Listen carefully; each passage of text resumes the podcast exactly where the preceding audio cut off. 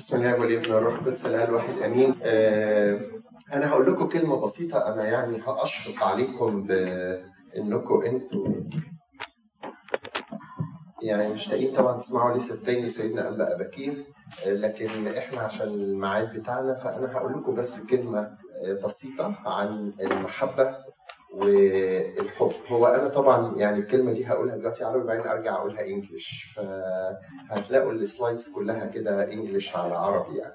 وخرج لك اسم في الأمم لجمالك لأنه كان كاملا ببهائي الذي جعلت عليك يقول السيد الرب. في إنجيل القديس يوحنا إصحاح 6 في آية بتقول ولما وجدوه في عبر البحر قالوا له يا معلم متى صرت هنا؟ أجابهم يسوع الحق الحق أقول لكم أنتم تطلبوني ليس لأنكم رأيتم آيات بل لأنكم أكلتم من الخبز فشبعتم. آه في أسئلة دايما بتحير الإنسان. كل واحد الدوافع بتاعته لتبعية ربنا ممكن تختلف. لكن إحنا عمرنا ما سألنا نفسينا الأسئلة دهيت. أنا لماذا أتبع المسيح؟ أو لماذا أذهب للكنيسة؟ أو لماذا أصوم؟ أو لماذا أحب قريبي أو لماذا أخدم؟ يعني في حاجات إحنا خدناها في الفطرة كده كبرنا عليها فإحنا بنعملها وبنحس إن بعد فترة كده إن حاجة بقت أصبحت جزء أو روتين في حياتنا لكن عمر ما الواحد سأل نفسه السؤال ده هوت. هو ليه ليه بي بيتبع المسيح؟ وليه بيروح الكنيسة؟ وليه إحنا في أشياء كثيرة جدا الإنسان بيصنعها ما بيبقاش له يعني ساعات ليه أسئلة أو رد عليها. يقول هل حفظت الاسم المعطى ليه؟ أكتر حاجة تفرق الإنسان المسيحي عن أي إنسان آخر هو الحب أو المحبة. ودي الكلمة اللي بتشير إلى المسيحي في أي مكان. لأن الآية بتاعت القديس يوحنا إنجيل القديس يوحنا لما قال هكذا أحب الله العالم حتى بذل ابن الوحيد لكي لا يهلك كل من يؤمن به بل تكون له حياة أبدية. عشان كده دايما المسيحية حاجتين يمشوا مع بعض فيها الحب والبذل. الحب والبذل الاثنين دول اللي يميزوا أي إنسان مسيحي عن أي إنسان تاني. إن يبقى ليه محبة قوية لربنا ومحبة قوية للقريب وفي نفس الوقت يكون عنده استعداد للبذل لأجل الآخر. مرة واحد من الخدام كده كتب في النوتة بتاعته كتب العبارة دي. قال إيه؟ قال إن أي خدمة تبدأ ببذل الذات. أي خدمة تبدأ ببذل الذات. فاحذر أن يموت منها البذل وتحيا فيها الزيت. فهو ده مفهوم الخدمة أو مفهوم حبي للقريب أو مفهوم حبي للآخر. إن أنا أي حاجة بقول محبة لأن هي هكذا أحب الله وبعدين بذل. فدايما الحاجتين دول في المسيحية والحاجتين اللي بتشير إلى أي إنسان مسيحي إنه يحب جدا ويكون إنسان له القدرة على بذل الذات إلى أكبر طاقة عنده.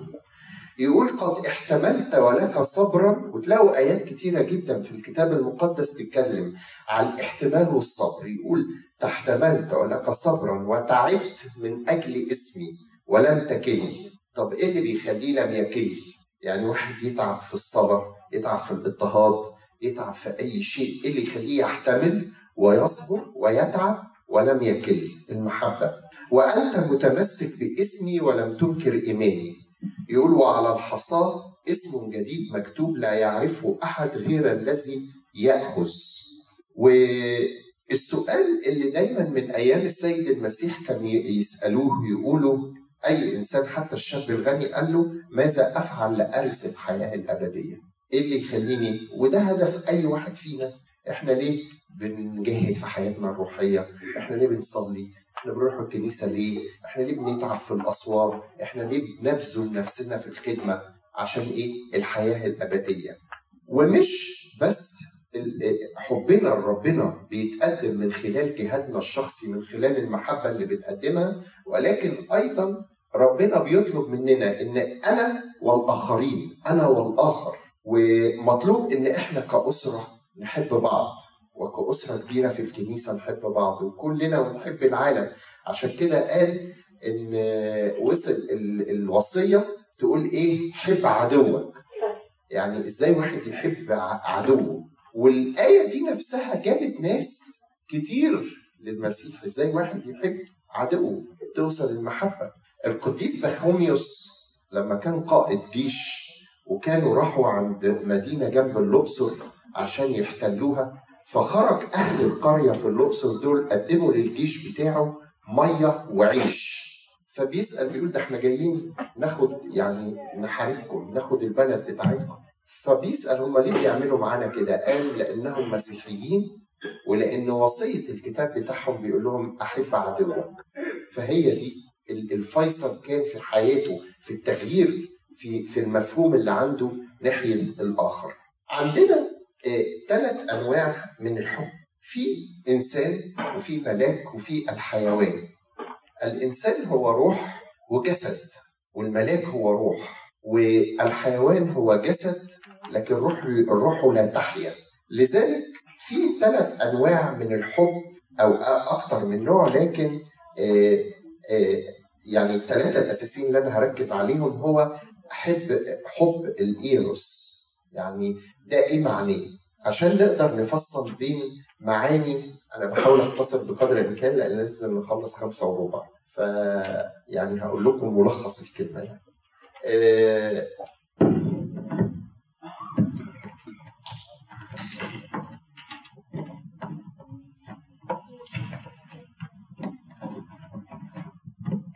حب الإيروس ده هو يسموه الحب الطفولي أو الحب الأناني الشهواني. والإيروس ده هو كان إله الحب عند الإغريق. وكان اليونانيون القدماء كانوا بيعبدونه باعتباره إلها للشهوة. لذلك حب الإيروس هو حب باسم الأخذ ورغبة الامتلاك. فالشخص اللي دايما تلاقيه يحب ياخد عشان كده يسموه حب طفولي. أحيانا إحنا اولادنا في سن معين وإحنا بنربيهم في تربيتهم تلاقوا ال ال الولد مثلا أو البنت تيجي في سن معين تحب تبقى عايزة تاخد تاخد تاخد بس مش عايزة تدي. حتى على المستوى الحاجة البسيطة جدا في البيت. فده يسموه الحب الطفولي إن هو ياخد لكن لما يجي عند العطاء يرفض هذا العطاء. حب امتلاك. ويسموه كمان حب شهواني استثاري. يعني حب شهوة بتبقى لأن الشهوة دايما تاخد لكن لما تيجي عند العطاء تمتنع. أو واحد إنسان يشتهي حاجة بتاعت الآخر ياخد لكن يجي في فيصل معين يمنع إن هو يدي. الحب التاني حب حب الفيلو أو الفيليا وده الإنسان الطبيعي. يعني الإنسان أي إنسان طبيعي بيبقى عنده هذا الحب. بغض النظر عن ديانته إيه حاجة في طبيعته كده. وأحيانا يسموه الحب الرومانسي. إن أحيانا الإنسان بيعيش في واقع في هذا الحب لكن في الحقيقة لما بيتواجه مع ضيقة أو محنة أو صعوبة في حياته ممكن يفقد هذا الحب الطبيعي. عشان كده ممكن تلاقي إنسان ممكن ينتحر يصاب بديبريشن. يصاب بفقدان في بيأس فقدان في الأمل يحس إن هو حياته ملهاش فايدة. الحب الرومانسي ده هو حب أكثر نضوجا من حب الإيروس. الإيروس الأولاني كان ياخد بس لما يجي ما يديش لكن ده حب الفيلو بيبقى ناضج أكثر في حبه أكتر من الشخص اللي ياخد وما يديش والحب ده يقولوا عنه إن هو الحب الذي يتبادله الناس. يعني الناس فيما بعض تتبادل حب متبادل بين الناس. ويتبادلوا فيه المشاعر الإنسانية الرقيقة. ومن خلاله بتسود مشاعر الود بين البشر. ونرى هذا الحب في علاقات وصداقات بصفة عامة.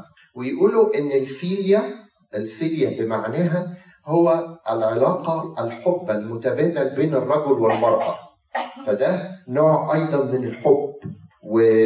وبتتخذ أحيانا في الفيليا اتجاها عاطفيا خاطئا وده بيبان في في درجات في الشباب في درجة المراهقة إن أحيانا الشاب يمس يبقى عنده الفيليا ده حب متبادل لكن العاطفة بتاعته تزداد تزداد تزداد فتمتلك منها الشهوة أكثر من الحب الحقيقي. وحب الفيليا له إيجابيات. تتمثل إن الفرد بيخرج بعض الشيء عن دائرة الذات اللي رأيناها في اللي شفناها في المثل بتاع الإيروس. الإيروس يتمحور في ذاته عايز يمتلك يأخذ ولا يعطي. لكن لكن الفيليا هي حب ممكن يكون في نوع من التبادل. لكن أهم سلبيات حب الفيليا ده بتتمركز في العاطفة خصوصا بين الشاب والشابة أو الرجل والمرأة. نحو الجنس الآخر يعني ممكن علاقة جارفة متدفقة طاغيه على العقل تؤدي لاندفاع وعدم تروي بدون تفكير. ودي تشوفوها في مرحلة كتير بين الرجل والمرأة أو الشخص الذي يرتبط بصداقة غير سليمة. وتلاقيه لما تيجي تكلمه مفيش أي نوع من التفكير العقلي وهو بيكلمك لكن بيتكلم بعاطفته ومنجرف جدا. ودي طبعا واضحة جدا في ولادنا في سن المراهقة. لكن للأسف إن حب الفيليا ده برضو بيخفق في إن إحنا بنوصل لأعلى مرتبات الحب اللي هي ذكرت بمعناه في الكتاب المقدس في آية يوحنا 16 الحب والبذل وارتباطهم الاثنين مع بعض. بيحصل إخفاق في هذا الحب أيضا. و...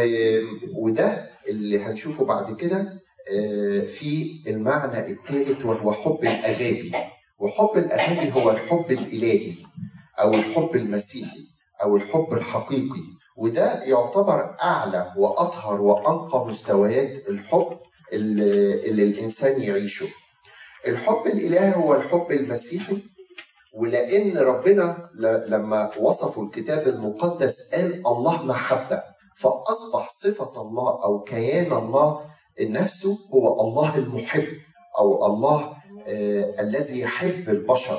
عشان كده إحنا في كل تسبيحات وكل الصلوات الليتورجية في الكنيسة نقول دقصاصي ذي لنا ثروبي يعني المجد لك يا محب البشر فدايما في صلوات الكنيسة تلاقي تتكرر جدا كلمة حب الله للبشر وخلاص الله للبشر لأن هو حب إلهي هو حب الاغابي لذلك الحب الاغابي هو الحب الإنساني الأصيل اللي زرعه الله في الإنسان واللي ده كان عند آدم وحواء قبل السقوط ولما كان القلب نقيا والفكر مستنير. لما كان فكر كانوا قبل السقوط كانوا حب كامل لربنا وكان هناك حرية في الكلام مع ربنا وكان لهم فكر مستنير. وكان كل من آدم وحواء قادر على البذل الكامل والعطاء قبل السقوط بلا توقف. ولم يكن هناك حد فاصل بين حبهم لربنا وحبهم لبعض. لذلك قال هذه عظم من عظامي عظم من عظامي ولحم من لحمي فده الاتحاد.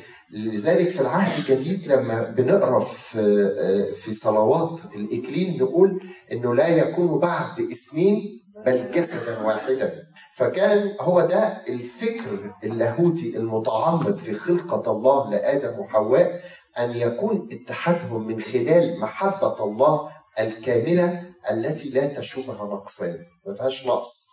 لكن لما سقط الإنسان وتغرب عن ربنا بإرادته وصارت ذاته الانا لأن لما الذات دخلت من خلال حرب الحية وقالت لهم إنكم ستصيروا مثل الله هتبقوا زي ربنا.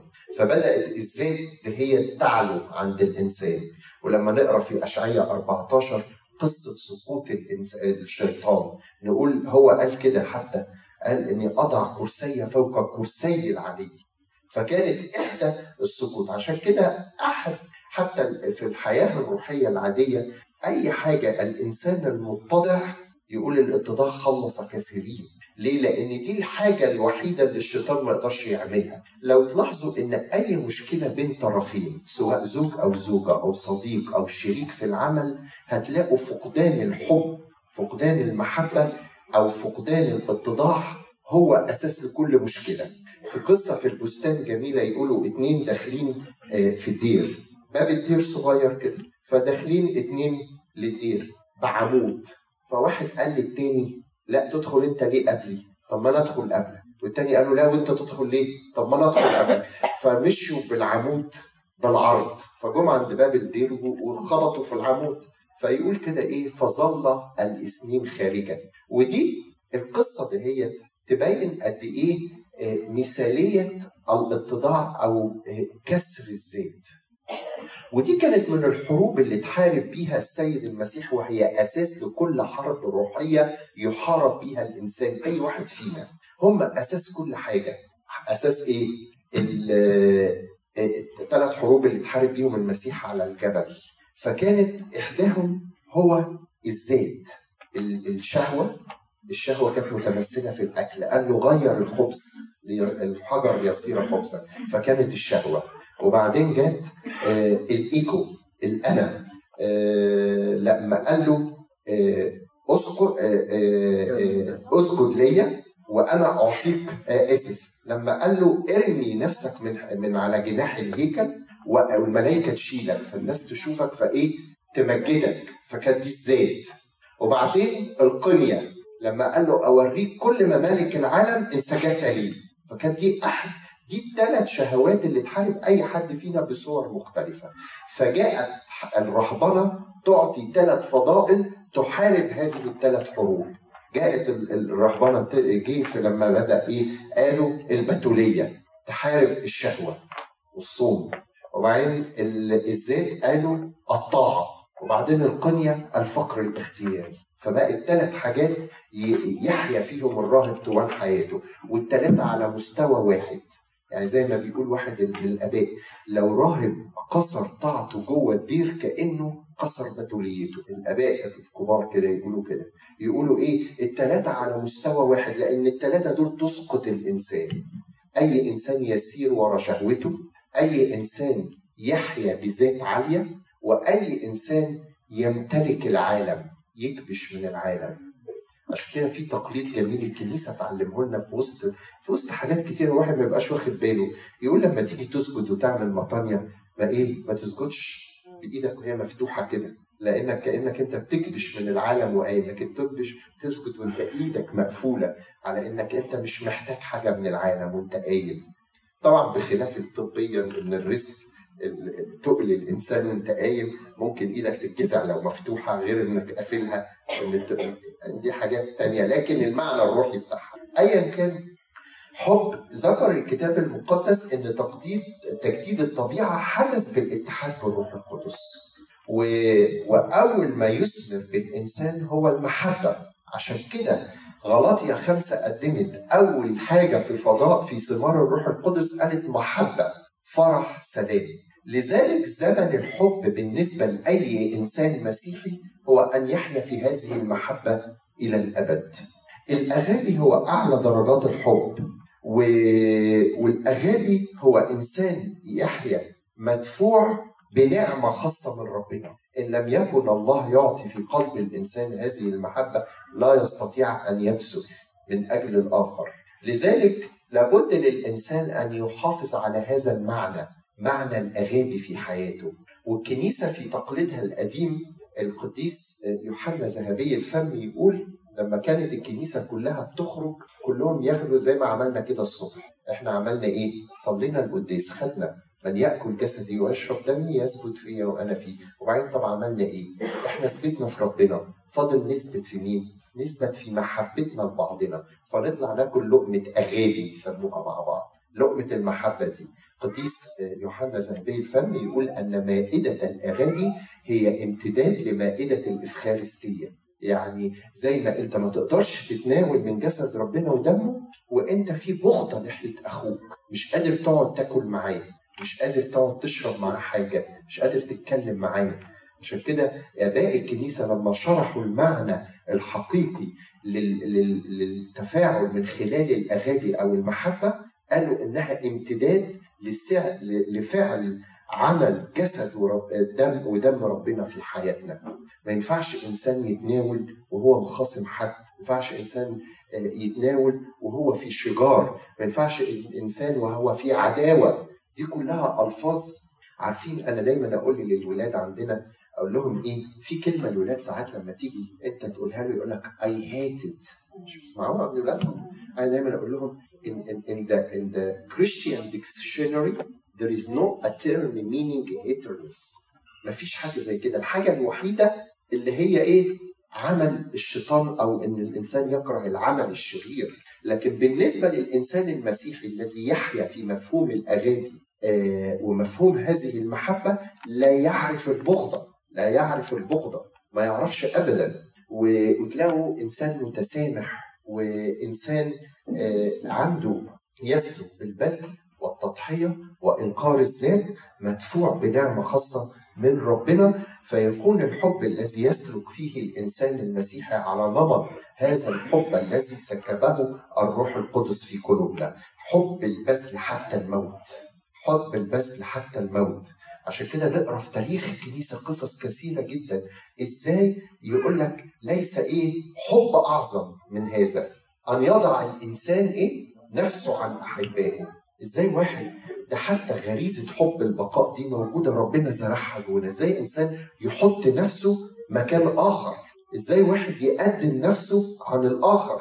هذا هو معنى الحب وهذا هو معنى كلمة زمن الحب اللي ذكروا. إن إن زي ما الأخ حكم كان بيشرح لنا الصبح الكلمة بتاعت أورشليم. ما هي أورشليم؟ وإزاي بعدت عن ربنا في جمالها؟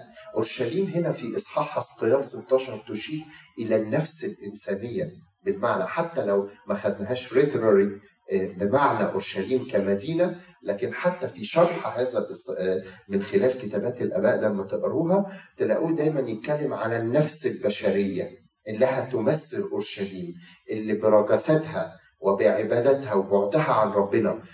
لذلك ربنا كتير يستخدم الوحي الإلهي في الكتاب المقدس لفظ الزنا على البعد عن ربنا. لأن إيه معنى الزنا؟ اتنين ارتبطوا بقوا جسد واحد راح واحد فيهم خارج وارتبط بجسد تاني. فربنا خد التشبيه ده وقال وكتير يقول في العهد القديم لأنكم قد زنيتم فبعدتم عني. زنيتم يعني حب الكامل المشترك اللي أنتم متحدين بيا خرجتوا منه وارتبطوا وارتبطتوا بحب غريب عني. فده المفهوم بتاع الزنا إن الطرفين ارتبطوا بحب كامل في ربنا من خلال عمل الروح القدس وتوحيدهم في هذه المحبة واحد فيهم خرج وارتبط بحب آخر. لذلك هو آه هذا المفهوم. المحبة الحقيقية المحبة لله محبة أنا خلص في دقيقتين بالظبط. محبة طبيعية مثل ما بين البنوة والأبوة. ومحبة مكتسبة مثل محبتنا للأصدقاء والأقرباء والمحبة أيضا لها درجات في هذا الحب. حتى يبذل هذا الحب محبة. لذلك المحبة الأغابي هي محبة عاقلة حكيمة روحية. بعيدة عن أي نوع من الفيليا أو من الإيروس. اللي أنا أحب آخد أو أمتلك بس لما أجي أدي ما مش عايز أدي. دي محبة غير حقيقية. لذلك المحبة هي المحبة الكاملة المحبة العاقلة الحكيمة الروحية. تريد أن تعطي والشهوة تأخذ حب يرتبط بنقاوة القلب. محبة محبة ليست متعة على حساب الغير. أو آه وطبعا مثال الصليب زي ما قلنا آية يوحنا 16 وهي محبة دائمة مستمرة لا تسقط أبدا. محبة دائمة محبة روحية بتقود الإنسان إلى السماء. لذلك بعد القيامة التلاميذ الآية دي يقول بعدما تغدوا قال يسوع لسمعان بطرس يا سمعان ابن يونا أتحبني أكثر من هؤلاء؟ قال نعم يا رب أنت تعلم. لو تلاحظوا إن الحب الحقيقي الحب الحقيقي ده اللي, أرشدت لينا إليه القيامة لأن قبل القيامة كان بطرس إيه لما المسيح جه قال لهم أنا هغسل أرجلكم.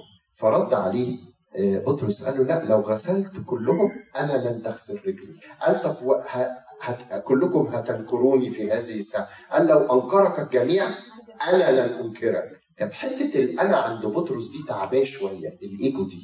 عشان كده لما قام المسيح من بين الأموات وكرر له ثلاث مرات كلمة أتحبني اللي هي المحبة الحقيقية اللي من غير الزيت. إن أنا قوي حتى لو دول كلهم أنكروك أنا مش هنكرك.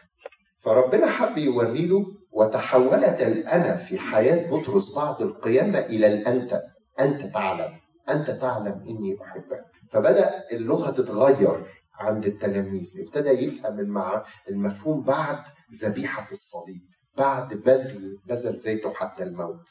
فدي تغيرت هذا المفهوم. قال له ثانية يا سمعان ابن يونا أتحبني؟ قال له نعم يا رب أنت تعلم تاني. إني أحبك. قال له ثالثة يا سمعان ابن يونا أتحبني؟ فحزن بطرس لأنه قال له ثالثة أتحبني؟ فقال له يا رب أنت تعلم كل شيء. أنت تعرف إني أحبك. قال له يسوع إرعى غنمي ودي اللي زي ما بيقولوا إن تحول بس بقى مش علاقة الحب فقط إرعى غنمي اللي فيها نوع من البذل تجلت في هذه الآية. أعطى التدريب العملي لترجمة معنى الحب. ما ما نحن لا نحب بالكلام ولا باللسان لكن بالعمل. لذلك الإنسان دايما اللي تلاقي عنده روح البذل والعطاء ممكن ما تلاقوش يتكلم كتير بس يشتغل. وممكن شخص يتكلم كتير عن الحب والمحبه لكن لما يجي مع المحك بتاع البذل يبعد يخاف لأن هو مش مش عايش محبه بمعناها الاغاني ممكن تكون النوعين اللي قبل كده آه لإلهنا كل مجد دائم كفايه كده عشان نخلص